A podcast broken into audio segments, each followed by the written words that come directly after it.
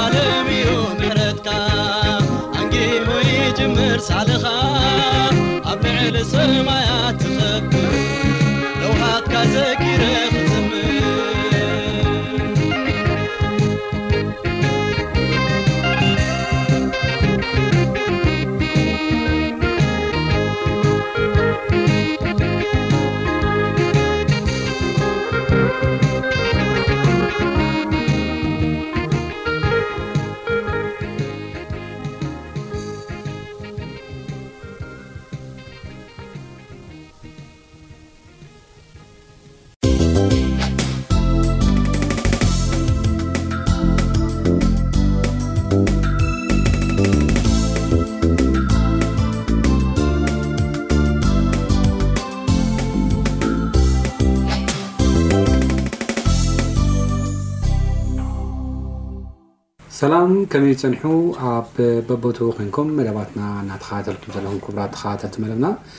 እዚ ብሁብ ቻነል ኢትዮጵያ እናተዳለወ ዝቐርበልኩም መደብኩም መደብ እዚ ንኣምን እዩ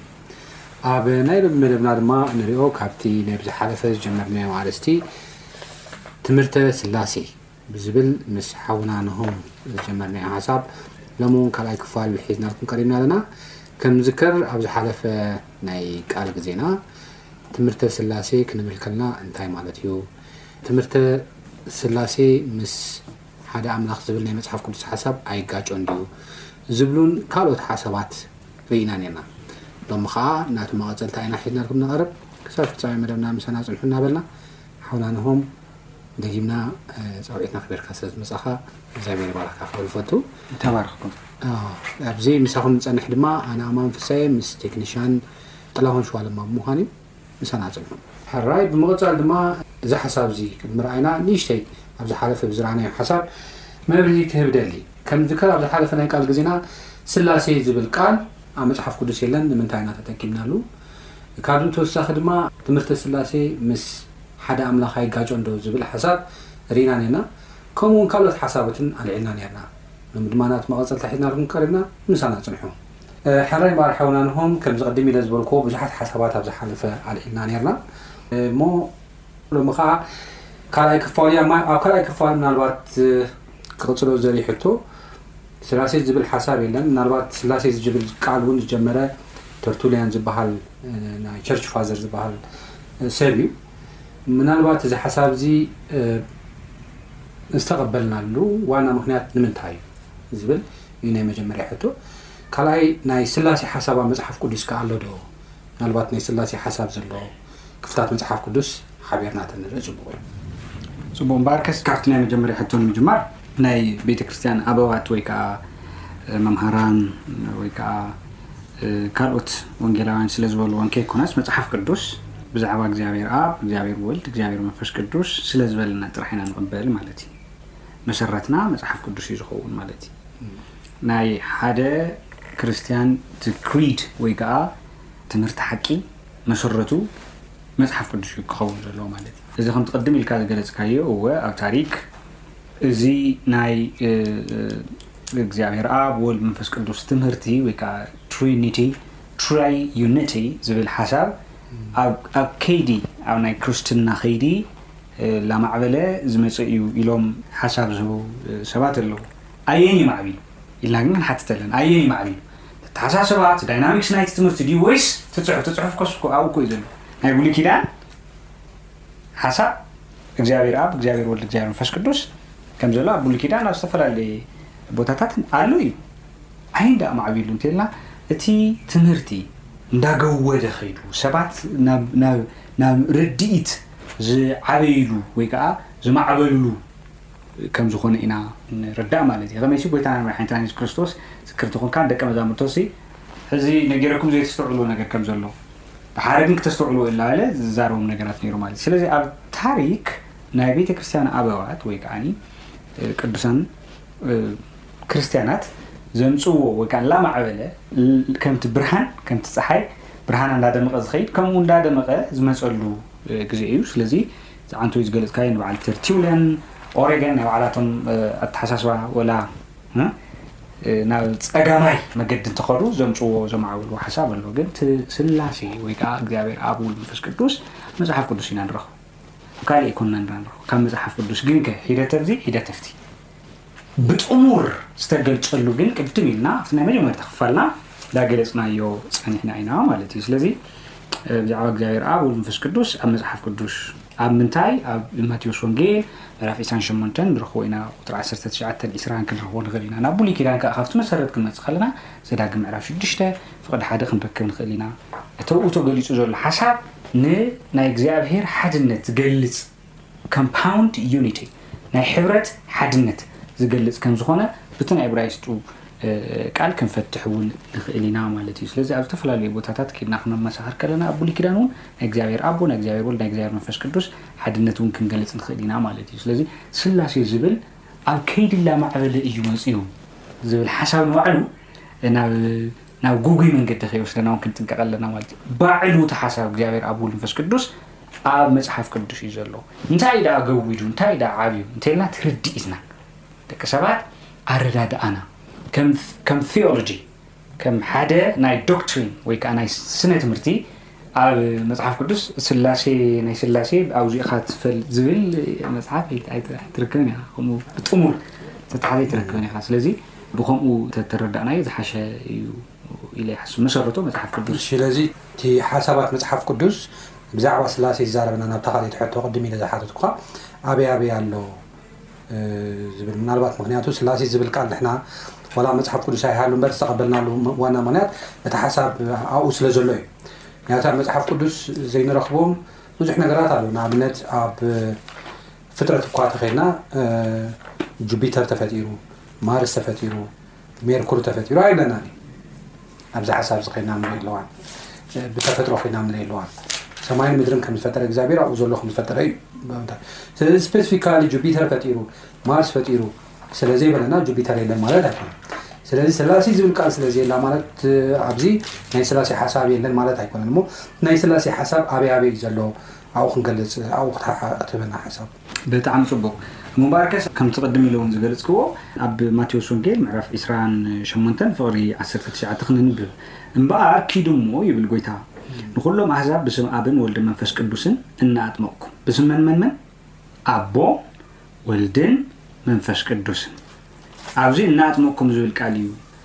ኣቐዲምዎ ዘሎ ኣብቲ ናይ ግሪክ ወይ ከኣ ኣብቲ ናይ ግእዝ ሓሳብ መጽሓፍ ቅዱስ ኬድና ክንውከስ ከለና ግን እምበኣር ኪዱ እሞ ንኹሎም ኣህዛብ እንታይ ግበሩ መሃሩ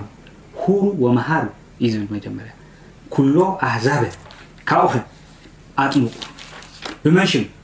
ኣቦ ወልድን መንፈስ ቅዱስን ማለት እዩ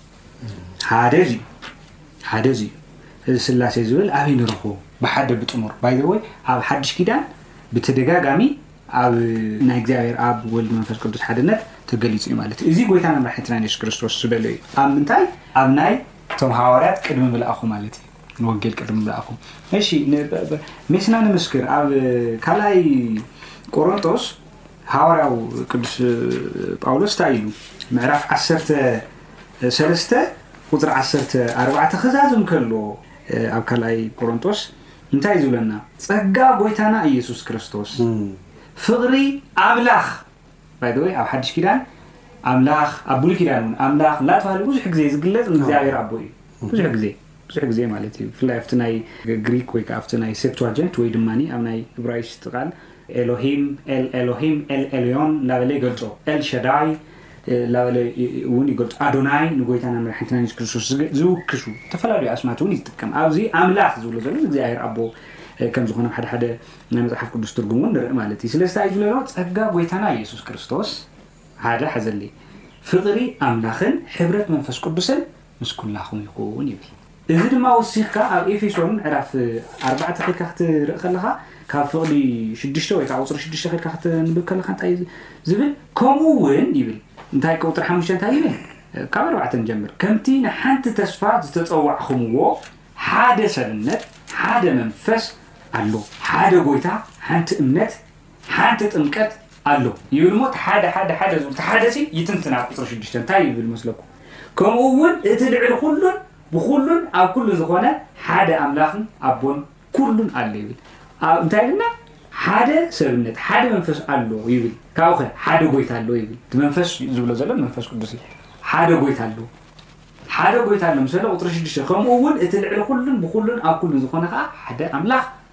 ኣቦ እቲ ኣምላኽ ኣንተ ወይ ዝበልናዮ ንኣቦ ዝገልጽ ከም ዝኾነ ኣብዚ እውን ይምስክረልና ኣሎ ማለት እዩ ስለዚ ናይ ማቴዎስ ወንጌል ምዕራፍ ዕስራን ሸሞንተን ካብ ቁጽሪ ዓሰርተ ትሽዓተ ስጋዕ ዕስራ ኬድካ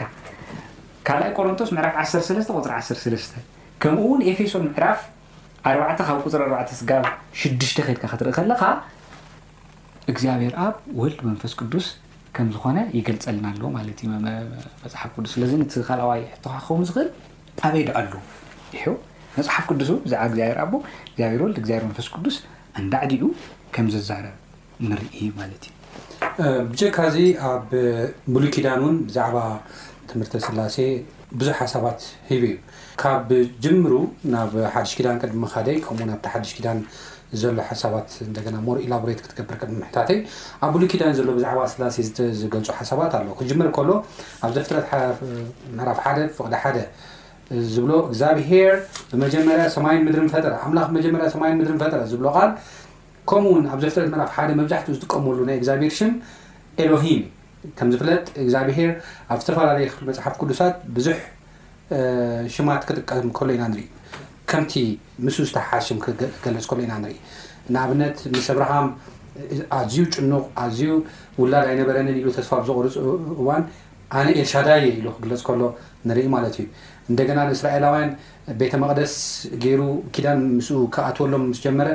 ያህዌ ብያህዌ ኣይተገለጽኩሎምን ነይረ፣ ሕጂ ብያህዌ ክግለጸሎም እየ ክብል ከሎ ኢና ንርኢ። ያህዌ ማለት ናይ ኪዳን ኣምላኽ እዩ። እንደገና ንኤሎሂም ድማ ፈጣሪየ ንዝብል ቃል ክጥቀም ከሎ ኢና ንርኢ። ዝተፈላለየ፣ ኤልኦልዮን ከኣ ዝለዓለ ኣምላኽ፣ ካብ ጣኦታት ዝለዓለ፣ ካብ ማንም ዝለዓለ ኣምላኽ ምዃኑ ንምርኣይ ድማ ኤልኦልዮን፣ ፈዋሲ ኣምላኽ ምዃኑ ከኣ ያህወይ ራፋይ እናበለ ክገልጸሎም ከሎ ብዙሕ ሽማት ክገልጸሎም ከሎ ኢና ንርኢ። ስለዚ ካብ ካብዞም ብዙሕ ኣስማት እቲ ሓደ ሽም እግዚኣብሄር ብዛዕባ ስላሴነቱ ኣብ ፍጥረት ድማ ሰለስቲኦም ከም እተሳተፉ ዘርእየና ሓሳብ ተሃልዎ ሓደ ቃል ሰለስትነት ዘርእየና ኤሎሂም። ከም ዝፍለጥ ኤል ዝብል ቃል ነጸላ ንሓደ ዝጠቅስ ኮይኑ ኤሎሂም ድማ እዚ ዩኒቲቭ ናይ ሓባር ኣንታ ከም ዝኾነ ዝገልጽ እዩ ማለት እዩ እዚ ኤሎሂም ስለዚ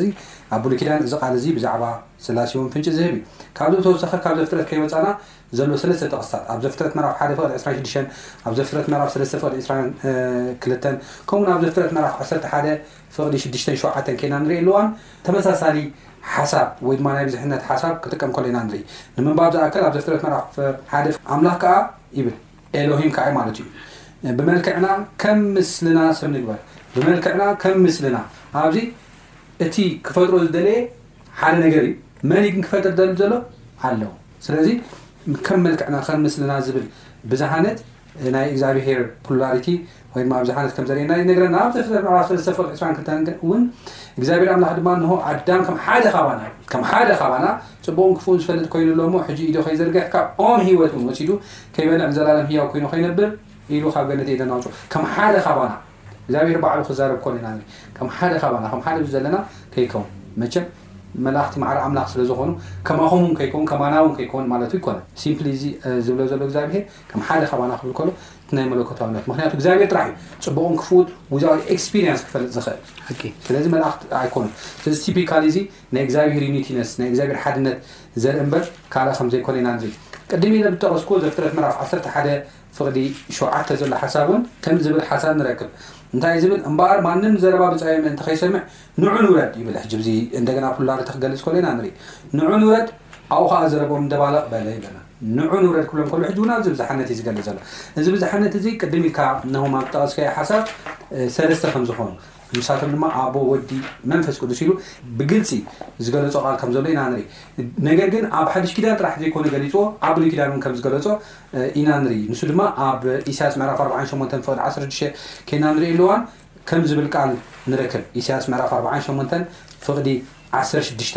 ከምዚ ይንበብ፣ ናባይ ቅረቡ ይብል እግዚኣብሄር፣ ናባይ ቅረቡ፣ እቲ ዝዛረብ ዘሎ እግዚኣብሄር እዩ፣ ካብ ዓሰርተ ክልተ ኣትሒዝና ክንርእዮ ከለና፣ ኣታ ያእቆብ ንስኻ ውን ጸዋዕኻ እስራኤል ስምዓኒ፣ ንሱ ኣነ ቀዳማይ እየ፣ ኣነ ድማ ዳሕራይ እየ፣ ኢደይ ምድሪ ሰረተት፣ የማነይተይ ከኣ ሰማያት ዘርገሐት፣ ምስ ጽውዑ ድማ ብሓደ ይቖሙ፣ ኵላቶም ከኣ ተኣከቡ እሞ፣ ሰምዑ፣ ካብኣታቶም እዚ ዝገበረ መን እዩ? እቲ እግዚኣብሄር ዘፍቅሮ ንፈቓዱ ኣብ ልዕሊ ባቢሎን ክፍጽሞ እዩ፣ ቅልጽሙ ድማ ኣብ ልዕሊ ካላዳውያን ክኸውን እዩ። ኣነ ኣነ እተዛረብክዎን ዝጸዋዕክዎን፣ ኣነ ዘምጻእክዎን እሞ ብመንገዲ ከስልጠሉ እየ ይብል። ቍጽሪ ዓሰርተ ሽዱሽተ፣ ናባይ ቅረቡ ይብል እቲ መጀመርያ ዝዛረብ ዘሎ፣ ንሱ ባዕሉ እግዚኣብሄር ማለት እዩ። እዚ ድማ ስምዑ፣ ካብ መጀመርያ ብሕቡእ ኣይተዛረብኩን፣ ካብቲ ዝዀነሉ ዘመን ጀሚረ፣ ኣብኡ ኣለኹ፣ ሕጂውን እግዚኣብሄር ኣምላኽ ንኣይን ንመንፈስን ልኢኹለይ ይብል። እቲ እግዚኣብሄር እቲ ባዕሉ ዝዛረብ ዘሎ ተዛራባይ ንኣይን ንመንፈሱን ልኢኹሎ ክብል ከሎ ኢና ንርኢ። እግዚኣብሄር ንመን ልኢኹሎ? ንኣይን እግዚኣብሄርን ንቕዱስ መንፈስን ልኢኹሎ ክብል ከሎ ኢና ንርኢ። እሞ እዚ ኣብ ብሉይ ኪዳን እቲ ብብዝሓነት ክግለጽ ዝጸንሐ መነመን ከም ዝኾኑ ኣብ ዝገልጽ ወይ ድማ ዘተንብህ ቃል ከም ዘሎ ኢና ንርኢ። ኢንፋክት ኣብ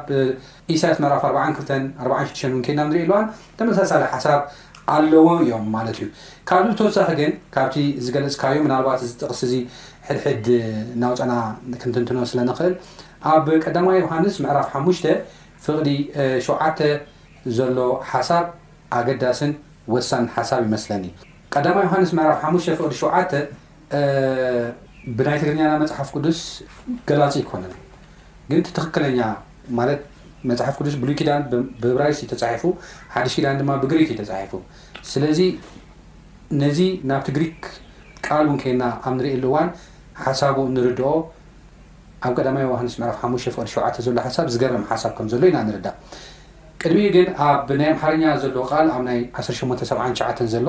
ኣብ ቀዳማይ ዮሃንስ ምዕራፍ ሓሙሽተ ፍቕዲ ሸውዓተ ዘሎ ይቕሬታ ሰማዕትና ብ ኣምሓርኛ ከምበልኩም ይደሊ እንታይ ይብል ቀዳማይ ዮሃንስ ምዕራፍ ሓሙሽተ ፍቕዲ ሸውዓተ፣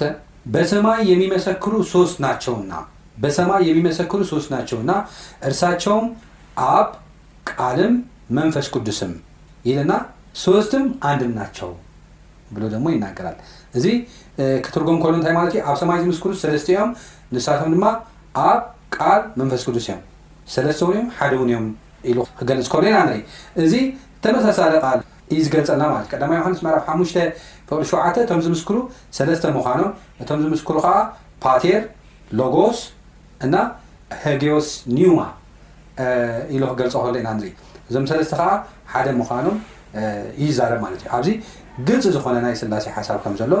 ኢና ንርኢ ማለት እዩ። ብዘይብኡ ብዘይብኡ ኣብ ማቴዎስ ምዕራፍ ሰለስተ ፍቕዲ ዓሰርተ ሽዱሽተ ዘሎ ሓሳብ ብደንቢ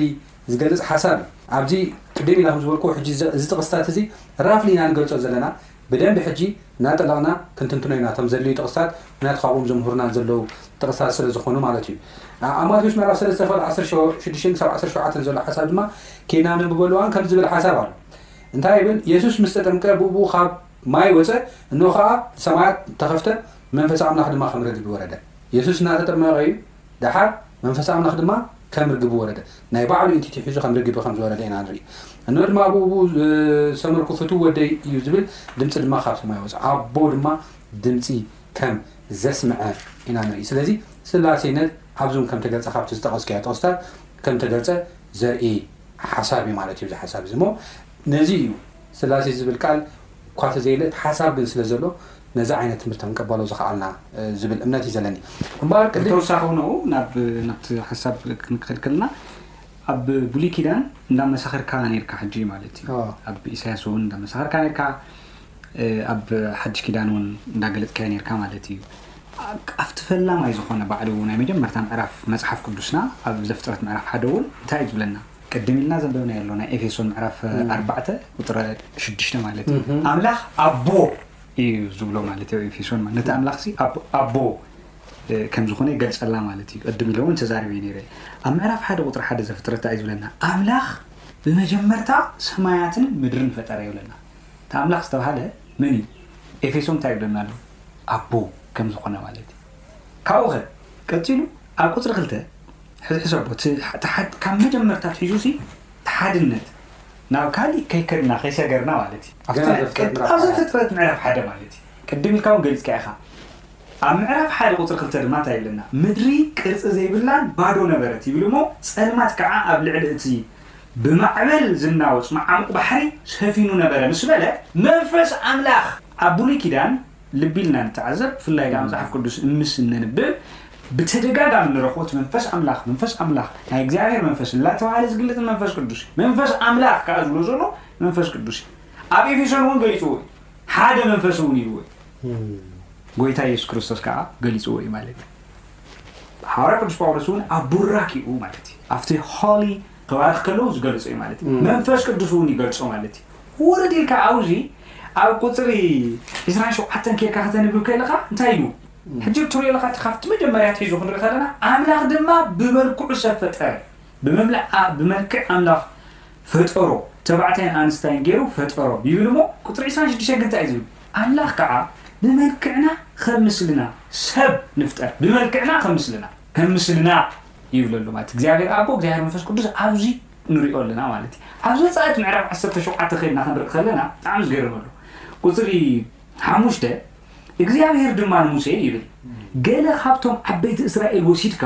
ካብቶም ህዝቢ ንቕድሚት ኣቢልካ ሕለፍ በሎ ነታ ንፈለግ ኒል ወይ ከዓ ናይል ንብሎ ማለት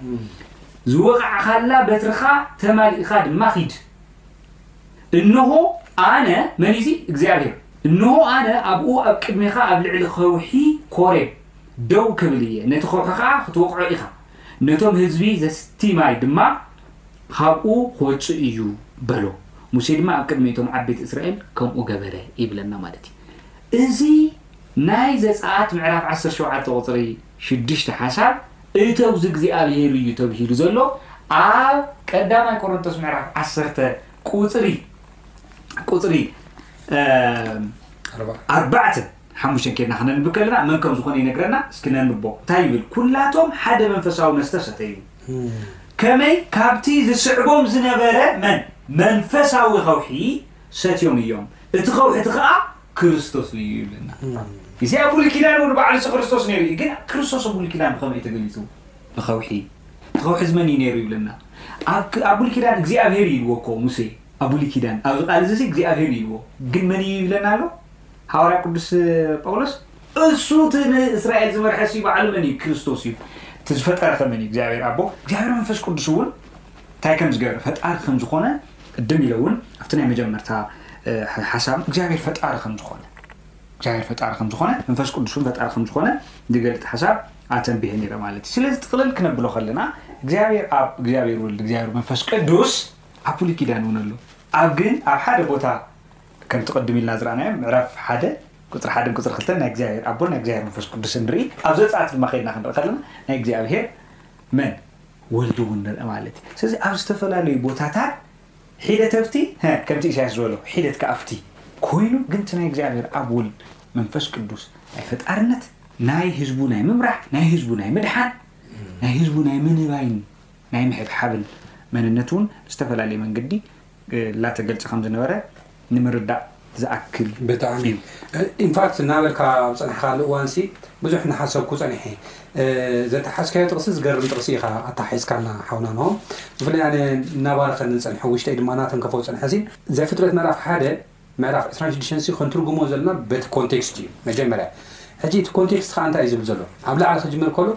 ኣምላኽ መጀመርያ ሰማይን ምድርን ፈጠረ፣ ምድሪ ድማ በረኻን ጥራያን ጸልማትን ነበረት፣ ኣብ ልዕሊ መዓሙቝ ድማ መንፈስ ኣምላኽ ኣብ ልዕሊ ዘማያት ድማ ይዝንቢ ነበረ ይብለና። ሕጂ እግዚኣብሄር ኣምላኽ ኣሎ፣ መንፈስ ኣምላኽ ድማ ኣሎ፣ ቅዱስ መንፈስ እንብሎ ማለት እዩ። እግዚኣብሄር እቲ ኣብ ዘፍጥረት ምዕራፍ ሓደ ብቕድ ዕስራን ሽዱሽተን ዝዛረብ ዘለዉ ንዑ ንብሎም ዘለና ሞስት ፕሮባብሊ ንመንፈስ ቅዱስን ንወልድን ከም ዝኾነ ኢና ንርኢ። ኢንፋክት ኣብዚ ሓሳብ እዚ ኣብ እብራውያን ከይድና ንርኢ ኣለዋን ዓለማት ብእኡ ዝፈጠረሉ ኢሉ ይዛረብ። እንታይ ኢሉ? ኣብ ኣብ ዕብራውያን ምዕራፍ ሓደ ፍቕዲ ሓደ ከይድና ንርኢ ኣለዋ ዓለማት እውን ብእኡ ዝፈጠረሉ ወዱ ገይሩ ፈጠረ። ብወዱ ገይሩ ፈጠረ። ስለዚ ወዲ እውን ነይሩ እዩ። ኣምላኽ ነይሩ እዩ፣ ወዲ እውን ነይሩ እዩ፣ መንፈስ ቅዱስ ድማ ይዝንበ ከም ዝነበረ ኢና መጽሓፍ ቅዱስና። ስለዚ ኣብ ዘፍጥረት ምዕራፍ ሓደ ዕስራን ሽዱሽተን ንዑ ዝብል ዘሎ ንወዱን ንመንፈስ ቅዱስን ከም ዝኾነ ካብ ኮንቴክስቱ ካብቲ ሓሳቡ ከይወጻና ባዕሉ ዝትርጉም ሓሳብ እዩ። ካብዚ ብተወሳኺ ብመልክዕናን ከም ምስልናን ዝብል ሓሳብ ንርእ። ብመልክዕናን ከም ምስልናን ዝብል ሓሳብ ከይድና ንርኢ እዋን እቲ ዩኒቲ ዊን ብዩኒቲ ገይሩ እዩ ፈጢሮም ኣብኣ ኣብዛ ኣብዛ ጥቕሲ እዚኣ ከይና ንርእይሉዋን ቁፅሪ 27 ዘንበብካዮ ፅብቕቲ ሓሳብ ኣላ እንታይ ይብል ኣምላኽ ድማ ብመልክዑ ሰብ ፈጠረ ብመልክዕ ኣምላኽ ፈጠሮ ተባዕታይን ኣንስታይን ገይሩ ፈጠሮም ይብለን ተባዕታይን ኣንስታይን ገይሩ ፈጠሮም ዝብል ንባዕሉ ናይ ዩኒቲ ኣምላኽ ምዃኑ ርዲኻኒ ናይ ዩኒቲ ኣምላኽ ምዃኑ እዩ ዘርኢ ኢንቴንሽናል ተባዕታይን ኣንስታይን ገይሩ ፈጠሮም ዝብለና ኣብ ዘፍጥረትኩ ኣዳም መጀመርያ ጥራሕ ኮ እዩ ተፈጢሩ ዝብለና ምዛ ኮንቴክስት ኣታሒዙ ግን ተባዕታይን ኣንስታይን ገይሩ ፈጠሮም። ተባዕታይን ኣንስታይን ማለት ሰብኣይን ሰበይትን ሓደ ስጋ ገይሩ ፈጠሮም። ምስ ዘፍጥረት ክልተ ዕስራን ኣርባዕተን ዓቢ ሚኒንግ ዝህብ እዩ እዚ ሓሳብ እዚ እውን ኬና ንርኢ ኣለዋን ማለት እዩ። ሶ ዓበይቲ ነገራት ኢኻ ኣልዒልካ ንምባል እዩ።